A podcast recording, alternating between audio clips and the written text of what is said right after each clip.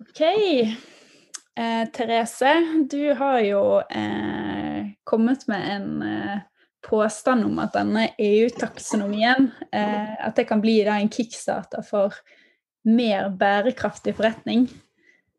Ja. Men hva er egentlig denne EU-taksonomien? Kan ikke du fortelle litt om det?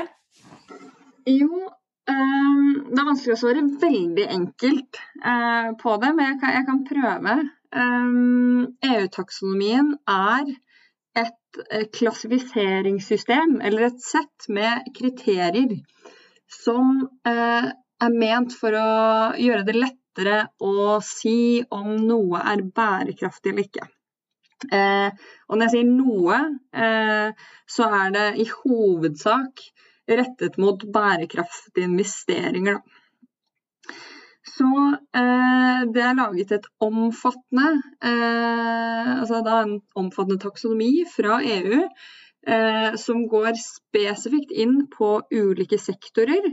Eh, der man går ned i eh, f.eks. i transport eller i Eh, elektrisitet og gass, eh, i forsikring, bare velge noen bransjer. Så man har fått et, et kriteriesett med tekniske terskelverdier som sier om den økonomiske aktiviteten er bærekraftig eller ikke.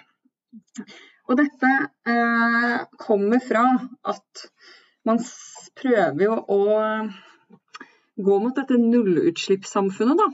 Eh, som vi har forplikta oss til eh, gjennom Parisavtalen, gjennom eh, egne ambisjoner i, i EU også.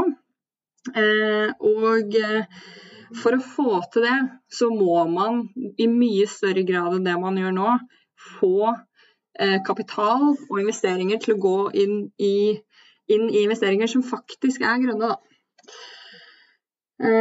og så er jo ikke det så lett eh, å vite når eh, man ikke har noen eh, standarder, eh, eller noe, at man er omforent om noen felles begrep om hva som er bærekraftig.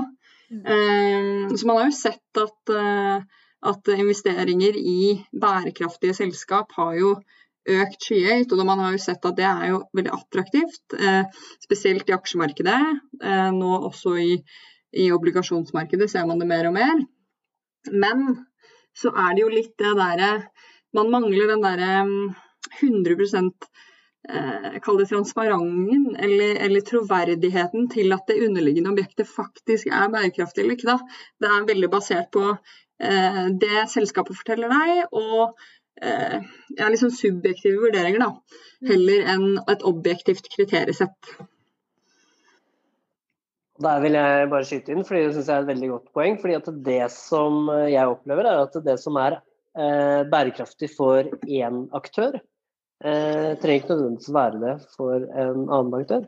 Man har eh, forskjellige briller på og ser eh, det man vil se. Eh, og det er det som blir spennende, da, ved å få denne felles standarden. Så det som jeg syns er eh, litt av spørsmålet, det er jo da implementeringen av det. Og, eh, og hva er konsekvensene av å ikke følge det? Eh, slash hva er mulighetene som kommer av å følge det? Da? Mm. Mm. Har du noen eksempler òg, Therese, på, um, altså på hva sånne type standarder eller krav kan være? Ref også implementering, hvor enkelt det kan bli å faktisk ta dette i bruk da, og få det ut i Ja, um, vi, kan ta, vi, kan ta, transportmarkedet som et eksempel. Um, der eh, De har jo fått en del krav knytta til seg, spesielt uh, eh, knytta til det ene altså det glemte jeg å si, da, men, men EU sin taksonomi er knytta veldig opp mot EU sine seks miljømål. Og har valgt seg ut eh, to først. og Det å begrense klimaendringer og det å tilpasse seg etter de klimaendringene som skjer. da. Eh, og eh, jeg kan også bare nevne, nevne kort eh, liksom, hvordan det fungerer. Altså, en økonomisk aktivitet er bærekraftig dersom den bidrar vesentlig til å oppnå et av disse miljømålene, f.eks. begrense klimaendringer. uten at det går på bekostning av noen av de andre seks miljømålene til EU. Eh, og I tillegg så må man ivareta noen minimumsstandarder knyttet til sosiale forhold. Eh, og så kan jeg jo ta et eksempel som du, som du spør om, eh, f.eks. i transportmarkedet.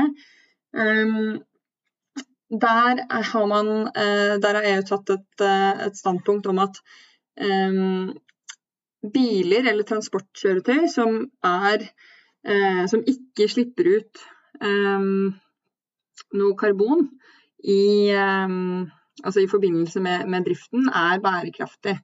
Altså null uh, utslipp i uh, hva er det de kaller det? gram CO2-ekvivalenter per passasjerkilometer. Eh, i seg selv kan jo gjøre denne implementeringen litt krevende. eh, men, men, der har de også sagt at elbiler og eh, hybridbiler f.eks. Eh, gjør ikke det. Så de vil anses å være bærekraftige. Um, men de har også lagt opp til en slags liksom, transitioning eh, eh, der de sier at ok, men frem til 2025 så vil også biler med lavere utslipp enn 50 eh, gram CO2-ekvivalenter, bla, bla, bla, eh, fram til 2025, da. Um, som ikke nødvendigvis er så veldig mye enklere krav å imøtekomme. Eh, men de har, de har, lagt opp, eh, og det ser man også i noen andre bransjer, men i en sånn overgangsfase, så du trenger ikke å være null. Men, men, så lenge du er liksom ganske altså, innenfor en slags veldig begrenset eh, eh, intervall, da. Eh, nær null. Eh, ja. Så elbiler er jo f.eks. Eh, ansett av taksonomien å være bærekraftig. Så hvis du eh, driver eh, hvis du driver et selskap som har store inntekter på, på transport, Eh, det er transport av mennesker eller varer og tjenester eh, går på el eller på hybrid, så vil du da kunne få store deler av de inntektene anse de som, som bærekraftige i henhold til taksonomien. Da. Og det er jo det som på en måte blir det store spørsmålet nå. da. Hvor stor andel, hva, altså, hva er den grønne brøken din? i henhold til taksonomien. Eh, for det er jo ikke sånn at Eller det er ingen som sier at du eh, må være noe i henhold til taksonomien. Du kan bare velge å ikke følge det, men da er du bare ikke bærekraftig i henhold til taksonomien. Men er det slik at uh, alle som følger, uh, følger, får de et diplom, eller får de, får de liksom en medalje de kan klisse på brystet? Og... De eh, får en medalje eh, som sendes ut fra EU. Nei, de gjør ikke det. Eh, de, de, de, effektene man håper på da, og tror, eh, i hvert fall på sikt, er jo at det vil være mer attraktivt eh, å investere i de selskapene som faktisk kan vise til en grønn brøk, og altså en økende grønn brøk knytta til taksonomien. Fordi det er jo, eh, det kan jeg også si, forventet å være veldig lave grønne brøker i starten. Eh, så det er jo én ting når du skal hente penger fra, fra aksjemarkedet eh, og investorer. Mens, mm. Eh, mens det er jo også en, en, låneside, og det er jo finansinstitusjonene som du også henter penger hos. Eh, og der er det jo klart at eh, de har jo også et krav om å opplyse om, om, sine, om sine, låneporteføljer, eh, om sine kunder. Og det er jo klart at det, det kan bli vanskeligere å få, få lån dersom du, ikke, dersom du skal hente penger til noe som ikke er bærekraftig. Det kan bli dyrere. Um, og hvis vi tenker veldig langsiktig, sikt, så kan det hende at du ikke får det i det hele tatt. Um, så det er jo kanskje de, de effektene man, man, antar at man vil komme til å se, da. Mm. Det syns jeg er et godt poeng, og det vil jeg bare legge til. For jeg også tror at det uh, er vanskelig for, uh, for det vi kaller, kanskje kaller mann i gata, da. Og, eller beklager, kvinnen i gata. Det kan også være jeg. Og det er kvinnedagen i dag, selvfølgelig. Eh, for kvinnen i gata å vite er det bærekraftig det jeg investerer i, eller er det ikke? Og, eh, og typ, om man skal kjøpe et fond, eller man skal eh, ja, rett og slett gå inn og kjøpe en eierandel i et selskap. Eh, holder det på en måte med at uh, noen har labelet dem som uh, ja, her er bærekraftig, eller vi er grønne, og, eller vi har dette fondet som heter faktisk Grønt Norden. ergo så tar man det for gitt. Mm. Men øh, Og det, det tror, jeg tror nok at for forbrukeren så, så, så, er det vanskelig å liksom skjønne dette helt konkret og ned i detaljene. Jeg tror at det kan være Jeg tror at mange banker nå som opererer både i som en, som en finansiell tilbyder for, for selskapene og for eh, kanskje større investorer, men også for et privatmarked som er småsparere, de vil, de vil merke en, en utfordring knytta til det. Da, fordi på den ene siden, eh, der de jobber med, mot et investormarked eller eh, store utlån osv., der vil de møte på selskaper som eh, til dels, hvert fall, eller i økende grad vil ha kjennskap om taksonomien og ville ønske å kunne forholde seg til den. Eh, og så har du eh, oss småsparerne som eh, ikke kanskje ikke har hørt om taksonomien, ikke skjønner hva det er for noe knytta til, eller sånn i forhold til ja, men dette, de bærekraftige fondene eller miljøfondene som jeg investerer i, er ikke det bærekraftig lenger? Eh, den kommunikasjonen der da, på, liksom, på, begge fronter tror jeg kan, kan, være en spennende utfordring å ta, ta tak i. Mm. Og der tror jeg det er viktig, sånn som du sier, at uh, det er de institusjonelle investorene som kanskje har krav på seg da, å plassere pengene i henhold til taksonomien, mens eh, småsparerne i mye større grad vil, vil nok følge liksom blindt etter den markedsføringen. Men eh, markedsføringen vil nok eh, gå seg til å bli riktig, eh, eller riktigere, etter hvert som eh, det får fotfeste. Da. Men i starten mm. så tror jeg nok at effekten på småsparerne vil være litt Ja. Men ehm, eh, når er det dette her eh, trer i kraft, eh, Therese?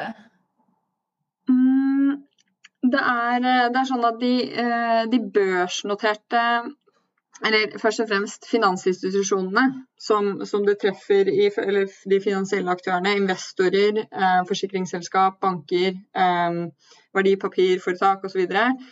De må begynne å rapportere på sine grønne brøker i alle sine porteføljer eh, i slutten av 2021. Eh, og i løpet av neste år så må eh, For dette er en kjempevanskelig øvelse. Eh, men med litt eh, lag så kommer alle de børsnoterte selskapene etter og får et krav på seg om å eh, begynne å rapportere på sin grønne brøk da, for, å, for, å, gjøre den jobben enklere. Um, så, det, så begynner jo der, da. Um, og da kan det jo være lurt å komme i gang allerede nå. Ja, for det har, jeg lyst til å uh, kaste litt lys på. Uh, det du sier der med å rapportere på sine grønne brøker. Og da har jeg lyst til å bare se dette i et bilde. Hvor måte, dypt ned uh, går man, eller må man gå? om man, si, Hvis vi kaller det en portefølje da, som man er investert i, og den består av flere selskaper, Eh, så ok, det er jo greit nok at man skal kanskje ha oversikt over eh, de selskapene som eh, inngår i den porteføljen, men hva med hva, om disse selskapene har avdelinger i utlandet, leverandører som leverer til seg, eller som på en måte får hjulene i det spesifikke selskapet til å gå rundt osv. Hvordan skal de kunne ha kontroll måte, flere ledd nedover? Eh, det er et kjempegodt spørsmål, eh, og det kan jeg ikke svare deg 100% på. Men, men, eh, i første omgang vil nok fokus være retta på altså innad i selskapet. Da, på, på, hva som er direkte på, på topplinja. Eller, det, eller, på resultatet, da. Altså hvor stor andel av, av det som, som som er grønt. Og det går jo på en måte nedover i hele selskapet. Da. Så, så du er masse ulike inntektsstrømmer i, i, et selskap, og jo større selskap, jo mer eh, jo flere divisjoner og, og, nivå er det snakk om. Og det er jo klart at man må jo vite det ned på altså prosjektnivå. Vi jobber jo ofte på forretningsutviklingsprosjekt. Eh, eh, og, og, det er jo klart at vi også når vi er ute, rådgir eh, og, og, jobber med forretningsutvikling og, og, business case, er vi nødt til å ha et forhold til da eh, denne investeringen som, som, vi jobber med nå, dette konseptet, i henhold til taksonomien. Er det bærekraftig, eller, eller er det ikke det, da? Eh, så ja, eh, det kommer til å påvirke hele organisasjonen i første omgang, i hvert fall. Eh, og så får vi jo se etter hvert, da. Mm.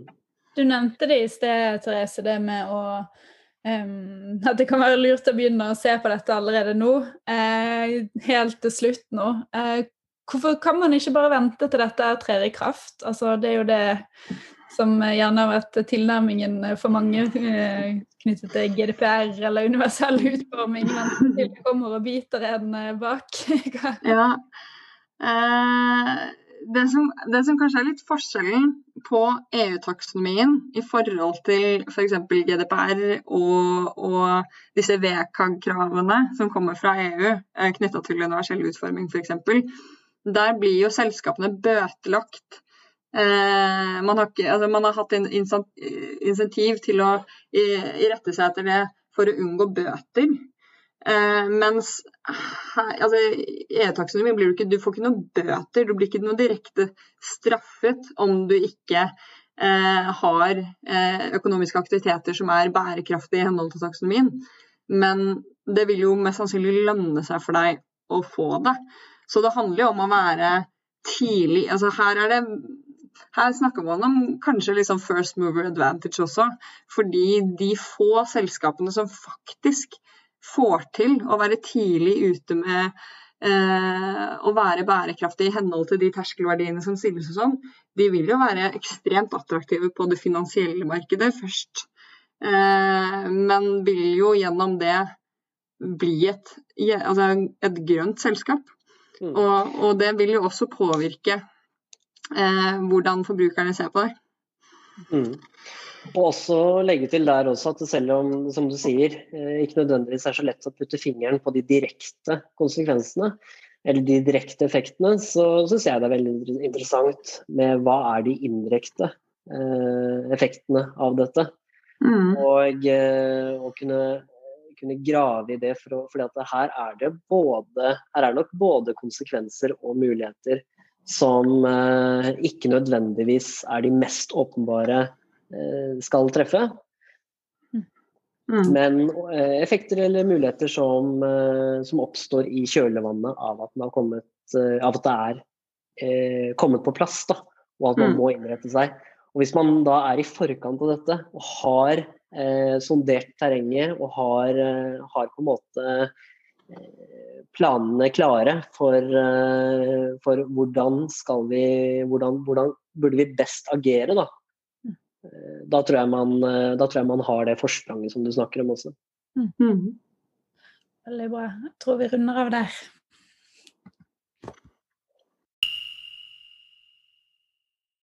Drypp er en lavterskelpodkast fra Beck, hvor vi diskuterer diverse temaer som interesserer oss.